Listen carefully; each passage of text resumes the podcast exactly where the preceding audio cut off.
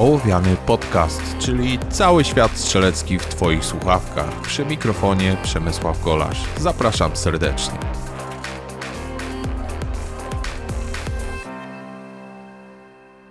Cześć, witam Was wszystkich bardzo serdecznie w kolejnym odcinku Ołowianego Podcastu.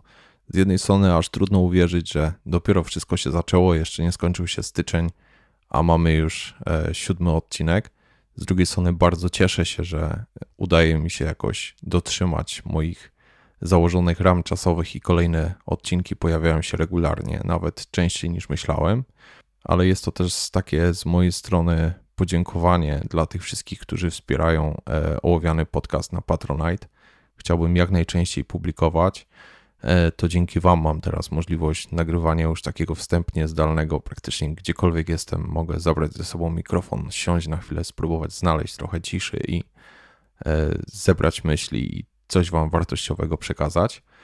Natomiast mam nadzieję, że jak wszystko dobrze pójdzie, to w drugiej połowie roku pojawią się kolejne tematy.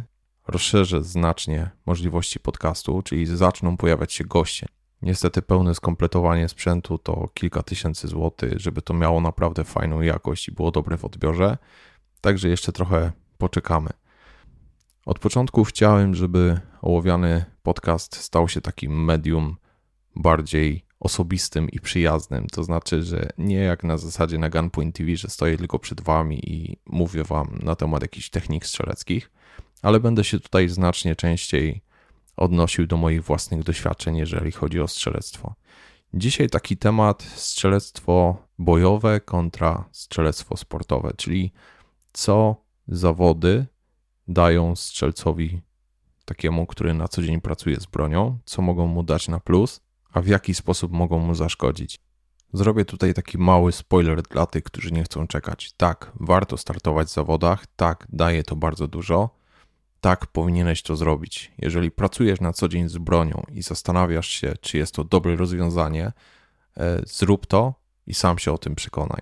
Po prostu trzeba wyjść z tego małego stawu, w którym siedzisz w swoim środowisku i zmierzyć się z najlepszymi strzelcami w Polsce, a czasem i w Europie. I nie ma znaczenia tutaj to, że będzie jakaś przepaść sprzętowa, że nie masz pistoletu za kilkanaście tysięcy złotych, całego szpeju to nie ma żadnego znaczenia, bo tak naprawdę liczy się to, jak będziesz wyglądał na początku swojego sezonu sportowego, a jakim będziesz strzelcem na koniec. I uwierz mi, że zauważysz różnicę, ale po kolei. Najmniej tak z punktu widzenia praktycznego e, mnie osobiście dało strzelanie precyzyjne. Też nie uczestniczyłem w wielu tego typu zawodach, ale zawsze gdzieś tam pod koniec roku jakieś zawody ratunkowe na licencję swojego czasu się trafiały i to był właściwie mój jedyny udział w zawodach e, w kręgu takim typowo sportowym. I powiem Wam szczerze, że dopóki zawody widziałem jedynie przez pryzmat strzelania e, typowo tarczowego, nigdy do mnie nie przemawiało to, że mogę się w ten sposób rozwijać, ponieważ już od postawy zaczynając, a kończąc na technikach pracy na języku spustowym, te światy się zupełnie rozjeżdżały. Co innego, jeżeli mówimy o strzelectwie dynamicznym. Dość długo przymierzałem się do startów IPSC, pomimo że pistolety leżały w sejfie. Kiedy sam zacząłem szukać swojej drogi, jeżeli chodzi o sport e, w wypadku strzelania, zdawało mi się, że najlepszym rozwiązaniem będzie IDPA lub PIRO, jako że są to zawody najbardziej nastawione w kierunku strzelectwa bojowego. Teraz wiem, jak bardzo się myliłem – jak bardzo się myliłem, dlatego że największym błędem, jaki możesz zrobić, jeżeli pracujesz na co dzień z bronią, to władować się w zawody, które narzucają ci określoną taktykę przechodzenia toru. I tutaj ma przewagę zdecydowanie IPSC, pomimo tego, że jest to strzelanie typowo sportowe. Chodzi o to, że poza kilkoma wytycznymi, które mówią ci o tym, jakiego sprzętu możesz używać, jak masz mieć ułożone wyposażenie, to tak naprawdę całe zawody to jest freestyle, czyli możesz przejść tor na swój sposób, dokładnie tak, jak ty to chcesz zrobić. Dlaczego to jest takie ważne? Wiele osób twierdzi, że właśnie IPSC może spowodować błędy treningowe, ponieważ na przykład wymieniasz magazynek pomiędzy zasłonami, Albo jak to powiedział kiedyś mój znajomy, kiedy pierwszy raz rozpocząłem starty w IPSC, będziesz naprawdę dobry, kiedy zaczniesz biegać po torze jak kurczak bez głowy. I teraz, kiedy o tym pomyślę z perspektywy czasu, widzę, jak bardzo się mylił. Jak bardzo się mylił, ponieważ jeżeli ktoś patrzy na IPSC, próbując porównywać go do strzelania bojowego, to jest zupełnie w błędzie. To jest coś zupełnie innego. Jedyne, co możesz naprawdę wynieść, to znacznie rozwinując swoje umiejętności strzeleckie, ale wtedy musisz podejść do tematu w ten sposób, że każdy tor jest drillem do wykonania, który wykonujesz najszybciej jak potrafisz. Nie mieszajmy sportu z taktyką, wtedy powstanie najmniej blizn treningowych i będziemy wtedy najlepiej rozwijać swoje umiejętności. Mówię tutaj o strzelcach, którzy na co dzień pracują z bronią, i jednocześnie będziemy mieli możliwość porównania się z całą krajową, jak i czasem europejską czołówką. Jeżeli miałbym powiedzieć o drugich zawodach, które naprawdę bardzo mi się spodobały, druga dyscyplina, to jest to bez wątpienia Steel Challenge, tudzież Speed Steel, w zależności od tego, czy jest to realizowane na oryginalnych regułach amerykańskich, czy jest to lokalny odpowiednik. Największy plus, jaki dają zawody tego typu, to to, że masz możliwość porównania swoich czasów z najlepszymi strzelcami na świecie, ponieważ tory są dokładnie takie same, zarówno u nas, jak i w zawodach tego typu rozgrywanych na całym świecie. Więc jeżeli sprawdzisz swoje czasy, bez problemu możesz zobaczyć, jaki jest procent Twojego wyniku w stosunku do mistrza świata. I dzięki temu znaleźć się gdzieś na tej skali, jak naprawdę daleko jeszcze brakuje do tego, aby być w naprawdę dobrej formie strzeleckiej. To daje naprawdę dużo do myślenia i uczy sporo pokory. Tak naprawdę wszystko, czego potrzebujesz, aby rozpocząć starty w IPSC, to pistolet, kabura, trzy ładownice i na przykład cztery magazynki. I z takim wyposażeniem, jeżeli masz ochronę oczu i słuchu, możesz rozpoczynać swoją przygodę z dynamiką. Nie potrzebujesz niczego więcej.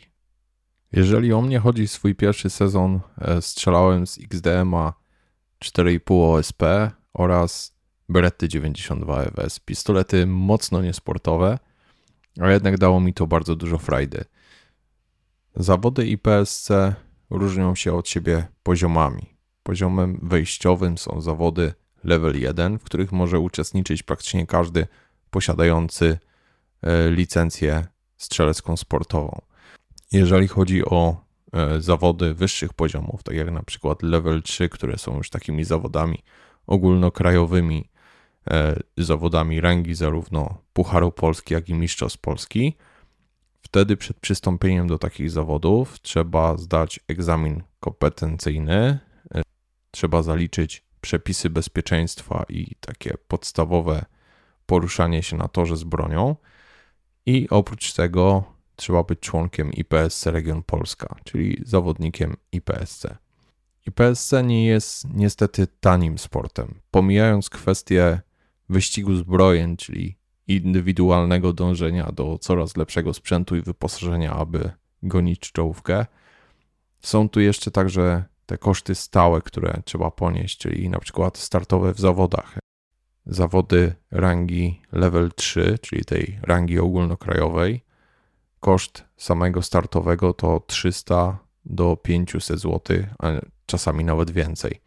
Więc jeżeli doliczymy sobie do tego przejazd czasem na drugi koniec Polski plus amunicję, którą trzeba zużyć podczas takich zawodów, robi się z tego całkiem okrągła sumka. Jeżeli policzymy, że zawodów e, tych level 3 e, w ciągu roku potrafi być kilkanaście, to widać, że jeżeli chcielibyśmy uczestniczyć we wszystkich, są to dość poważne koszty. Jeżeli będziecie chcieli przejść kurs taki podstawowy i zdać egzamin kompetencyjny, jeżeli chodzi o IPSC, to zdecydowanie polecam to zrobić e, razem z ekipą Halinka Arms. E, naprawdę ludzie z pasją, którzy bardzo życzliwie podchodzą do tych wszystkich, którzy chcą rozpocząć e, przygodę z IPSC a jednocześnie ekipa bardzo fajnych, doświadczonych strzelców, którzy potrafią w wielu kategoriach doradzić. Sam też u nich trafiłem na swój egzamin i naprawdę nie żałuję. Zawody IPSC Level 1 odbywają się w zasadzie w sezonie w całej Polsce. Można w nich uczestniczyć za zaledwie ułamek kwoty tej, e, którą trzeba zapłacić za startowe w zawodach level 3 i można na nich spotkać naprawdę czołówkę polskiego IPSC, ponieważ w momencie, kiedy jest tak trochę luźniej w sezonie, szczególnie na początku sezonu, e, zawodnicy najlepsi w Polsce często jeżdżą w celach treningowych właśnie na L1, żeby się rozgrzać przed sezonem. Także nie myślcie, że będzie tak łatwo i będą tam sami e, nowi strzelcy zupełnie niedoświadczeni w temacie. Jeżeli chodzi o Steel Challenge czy też Speed Steel, to są w tej chwili dwa takie ośrodki w Polsce, gdzie sobie na blaszkach można postrzelać, przynajmniej z tego co ja wiem. E, jeden z pucharów Speed Steel e, rozgrywa się w Jaworznie na strzelnicy Hubertech. Drugi cykl zawodów, o którym wiem niestety do tej pory tylko zdalnie, jeszcze nie udało mi się uczestniczyć, mm, to zawody rozgrywane w północnej Polsce przez Zapach Prochu i są to zawody certyfikowane przez Steel Challenge, czyli rozgrywające się dokładnie na zasadach e, amerykańskich i z tego co wiem, to klub posiada licencję Steel Challenge. Co mnie osobiście dał start w zawodach? Na pewno e, powrócę jeszcze do IPSC, ale na trochę innych zasadach niż chciałem to zrobić niedawno. To znaczy, w 2019 roku zacząłem starty w IPSC z pistoletami takimi nie bardzo przypominającymi raceguny. Był to XDM 4,5 OSP i Beretta 92 FS. Rozpocząłem starty w nowej klasie Production Optics, czyli pistoletów klasy fabrycznej wyposażonych w celowniki kolimatorowe montowane na ruchowym zamku. I była to naprawdę świetna przygoda. Pierwsze zawody, w których wystartowałem, to L3, y, zawody trzeciego poziomu, czyli tego ogólnopolskiego. E, Mieszko 1 w Bochni. Super zawody, bardzo mile je wspominam. Zawody serii Kings Cup.